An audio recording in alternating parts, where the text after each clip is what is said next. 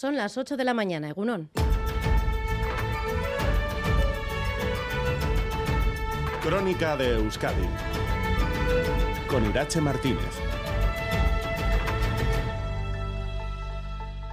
El Estado español estuvo, está y estará dispuesto a utilizar todas las violencias legales y ilegales para defender la unidad de España. Asúmanlo, díganlo, porque eso sí que será una contribución a la convivencia de nuestro país. Sean honestos.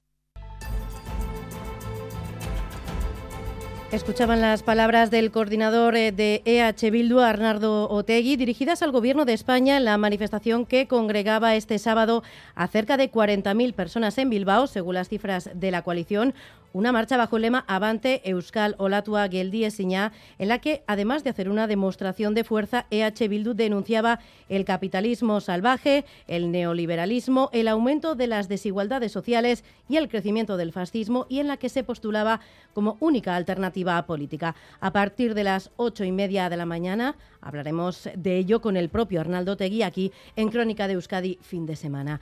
Gasolina y más gasolina es la palabra que han utilizado tanto el PSOE como el PP para referirse a la situación en Cataluña y para lanzarse acusaciones mutuas tras la decisión del Gobierno de Sánchez de derogar el delito de sedición, mientras el portavoz del PSOE en el Congreso, Pachi López, decía que su formación es el extintor para la gasolina del PP en Cataluña y que ellos han conseguido dividir el independentismo, por su parte, Cuca Gamarra, del Partido Popular, acusaba a Sánchez de dar gasolina a los independentistas.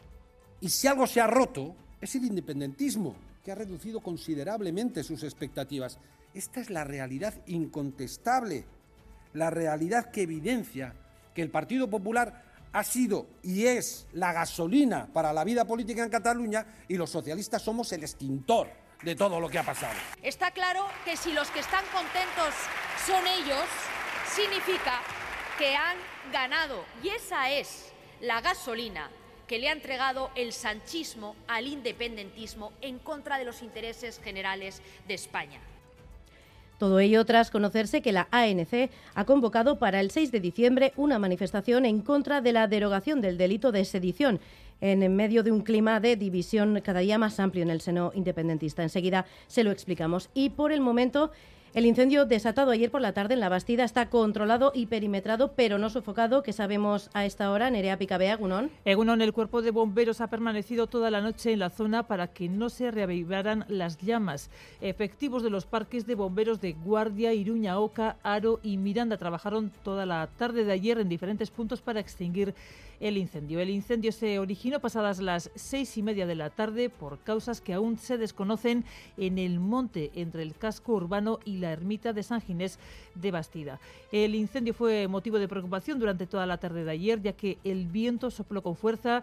Además, las llamas se produjeron en una zona de difícil acceso para los bomberos, pues los caminos son muy estrechos. Finalmente, los efectivos de bomberos pudieron llegar a todas las zonas afectadas empleando una excavadora. Y esta mañana se celebra la Beovia San Sebastián, cerca de 30.000 corredores inscritos para cubrir una distancia de 20 kilómetros. Las afecciones al tráfico entre Irún y la capital guipuzcoana ya han comenzado. Susana Armenti, Agunón. Agunón, sí, afecciones que ya han comenzado a las 6 y 20 de la mañana y que afectan fundamentalmente a la Guipúzcoa 636 entre Ganchurisqueta y Pasaya. El Departamento de Seguridad recomienda utilizar vías alternativas entre Irún, Donostia y el resto de localidades por donde discurre la carrera. Por su parte, Renfe ha reforzado con 4.000 plazas adicionales los trenes de cercanías. La carrera arrancará a las nueve y media para participantes en sillas de ruedas. Cinco, más tarde, cinco minutos más tarde saldrán los que corren en patines y a las 10 menos 5 será el turno de las corredoras femeninas de élite. Cinco minutos después saldrán los favoritos. La 57 edición de la Biovia ya está aquí con casi 30.000 corredores. Somos de un grupo de Zaragoza que se llama Sport and Fan. Entrenamos siempre esta carrera con mucha ilusión porque empezamos la temporada con este objetivo. Correr la Beovia, que para nosotros es una carrera que es como mítica en, en Cataluña. Gu hasi ginen orain dela urte, eta bueno, jarraitzen dugu. Naiz eta orain baldintzak ez dia berdinak, baina guk gure kabuz eh, jarraitzen dugu. Es una carrera muy especial. Eh, seguramente por la animación que tiene, por la gran cantidad de gente que también viene, por el ambiente que se de, que desprende. Una curiosidad, por primera vez en los y las corredoras eh, catalanas, más de 6.000 superan a las corredoras guipuzcoanas. Siguiendo este evento deportivo también estará la redacción de deportes, Gorka Saavedra, Egunon. Caixo Egunon, sí, evidentemente ahí estará todo el equipo de deportes de Radio Euskadi, edición número 57 de la Beovia San Sebastián, en el día en el que seguimos con la resaca de un gran día de Copa del Rey. El Guernica, el Arenas y el Estado River eliminaron a Leganés, Lugo y Racing de Ferrol y además también logró su pase sin problemas Osasuna. La pena, las derrotas de Amor y Beta y Beasain de manera cruel en la prórroga. Hoy turno para Real, Athletic e Ibar y Alavés y también eh, destacar la victoria de Salaverría por 22 a 16 contra Guiguren en la final del 4 y medio de promoción. Y vamos a repasar ya el pronóstico del tiempo para las próximas horas. Euskalmet, Jaione Munarri, Segunón. Caixo Egunon, terminaremos eh, la semana con tiempo eh, soleado, aunque en general desde primeras horas va a lucir el sol en la cuenca del Ebro y valles eh, cercanos. Las nieblas o las nubes bajas podrían ser persistentes durante la mañana, disipándose para la tarde.